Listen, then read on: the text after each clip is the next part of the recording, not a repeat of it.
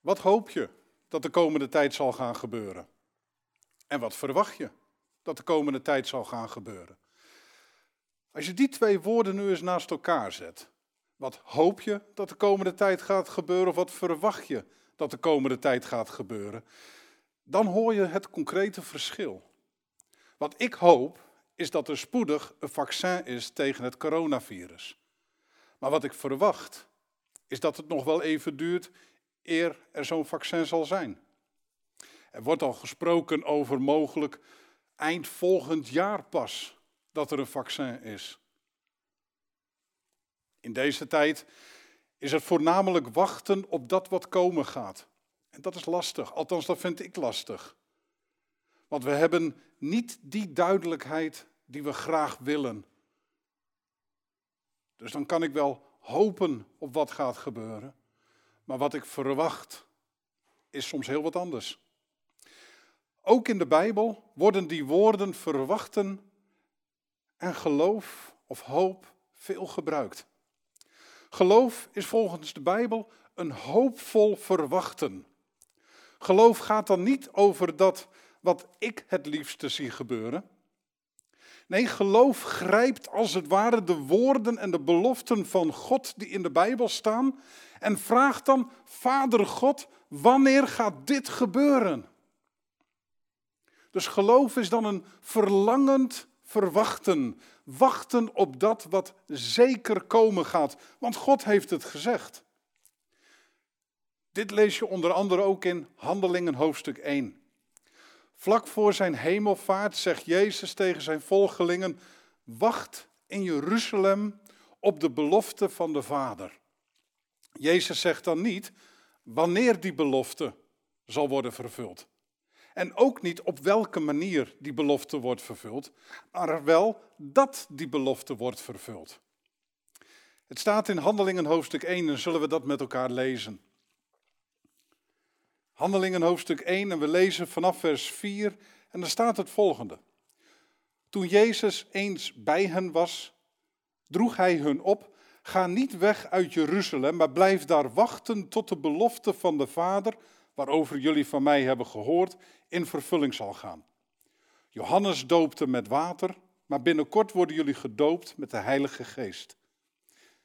En zij die bijeengekomen waren, vroegen hem, Heer, Gaat u dan binnen afzienbare tijd het koningschap over Israël herstellen? Maar hij antwoordde: Nou, het is niet jullie zaak om te weten wat de Vader in zijn macht heeft vastgesteld over de tijd en het ogenblik waarop deze gebeurtenissen zullen plaatsvinden. Maar wanneer de Heilige Geest over jullie komt, dan zullen jullie kracht ontvangen van mij getuigen in Jeruzalem, in heel Judea en Samaria, tot aan de uiteinden van de aarde. En in vers 14 lezen we dan, nadat Jezus was heen gegaan naar de hemel, vurig en eensgezind wijden ze zich aan het gebed, samen met de vrouwen en met Maria, de moeder van Jezus, en met zijn broers. Handelingen 1 is een uh, unieke situatie. De belofte waar Jezus over sprak, was de Heilige Geest. En dat was de grote belofte waar de profeten al over spraken. En Jezus zegt, nou, die belofte, die belofte waar de profeten over hebben gesproken, die wordt aan jullie vervuld. Jullie zullen worden gedoopt met de Heilige Geest. En dat betekende tegelijkertijd dat het koninkrijk van God realiteit zou zijn. Vandaar ook de vraag van die volgelingen van Jezus. En Jezus zei tegen zijn vrienden: Blijf wachten tot de Vader jullie zal vullen met de Heilige Geest die jullie is beloofd. Dan zullen jullie kracht ontvangen en mijn getuigen zijn. En die belofte is ook voor ons vandaag. Laten ook wij wachten, zoals Jezus volgelingen dat deden. Maar dat wachten, dat wachten is eigenlijk bijzonder. Dat wachten betekent namelijk niet stilletjes niets doen, met de armen over elkaar een beetje bank hangen, uitzien tot er misschien iets gaat gebeuren. Nee, wachten hield in dat zij vurig en eensgezind zich wijden aan het gebed. Het was alsof zij als een spons die belofte van God in zich opzogen, En op die manier gingen uitzien naar de vervulling. Vader God, wanneer gaat dit wat u hebt beloofd gebeuren? Dat is wachten op dat wat zeker komen gaat. Dat is je als het ware laten vullen met de woorden van God. Je kan je ook afvragen, hé, waar laat ik mij eigenlijk door vullen? Waar laat ik mij eigenlijk door beïnvloeden? Zeker in deze tijd waarin vrijheid en mogelijkheden aardig beperkt zijn geworden. Ik kan me bijvoorbeeld ook laten vullen met negatieve, zelfs met destructieve gedachten. Maar ik moet er wel rekening mee houden dat waar ik mij door laat beïnvloeden, waar ik mij mee laat vullen, dat gaat wel mijn leven vormen, zelfs bepalen. Zo is dat ook met ons als gemeente. De mensen van Handelingen 1 begrepen dat maar al te goed. En dat was reden waarom zij zich wijden, vurig en eensgezind aan het gebed.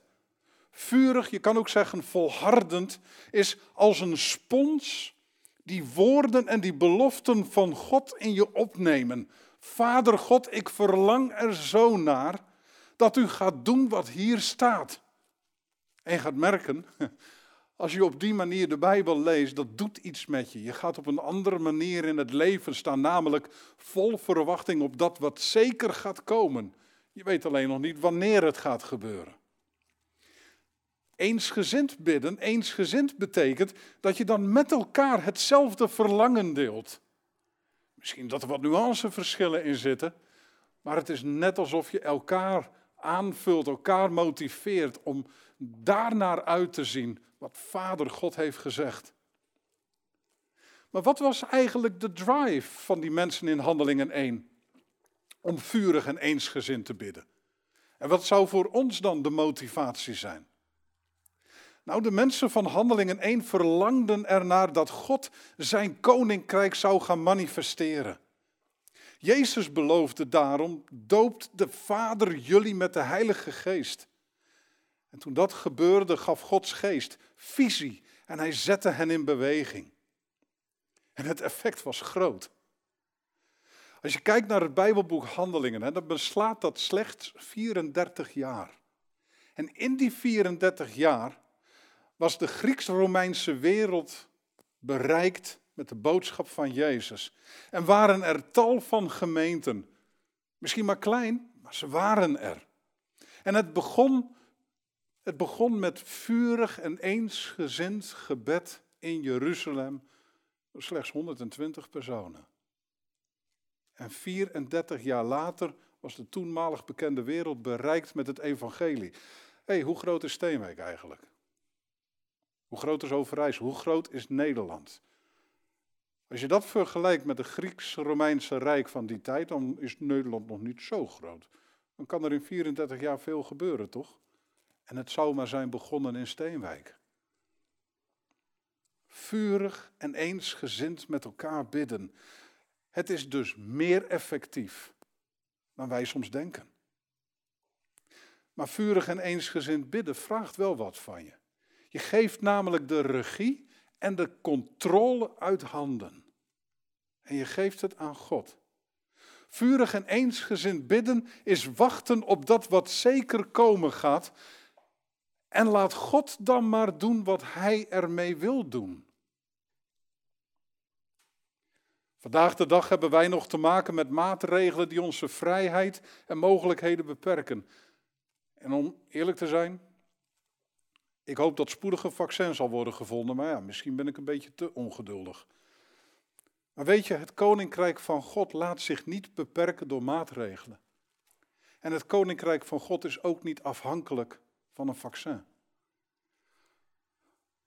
Ook jou en mij is de geest van God toegezegd. Vader God wil ook jou volledig vullen met zijn geest. Je kan de Heilige Geest hebben ontvangen. De vraag is, ben je er ook vol van? Zijn geest geeft visie. Zijn geest geeft liefde. En zijn geest zet je in beweging. Zelfs daar waar de kerk wordt vervolgd, groeit het koninkrijk van God en groeit zijn gemeente. God verlangt. God verlangt ernaar dat mensen worden bevrijd van de gevolgen van zonde. En hij wil dat laten zien door mensen en door relaties weer te herstellen. De vraag is alleen, waar laat ik mij door beïnvloeden? Want dat vormt mijn leven. Ik daag je dus uit om vurig en eensgezind Gods toezeggingen in je op te nemen. Met de vraag, Vader God, wanneer, wanneer laat u dit gebeuren, ook door mij heen? En doet u dan maar wat u goed vindt te doen. Vader God, wij zien uit naar dat wat zeker komen gaat. Amen.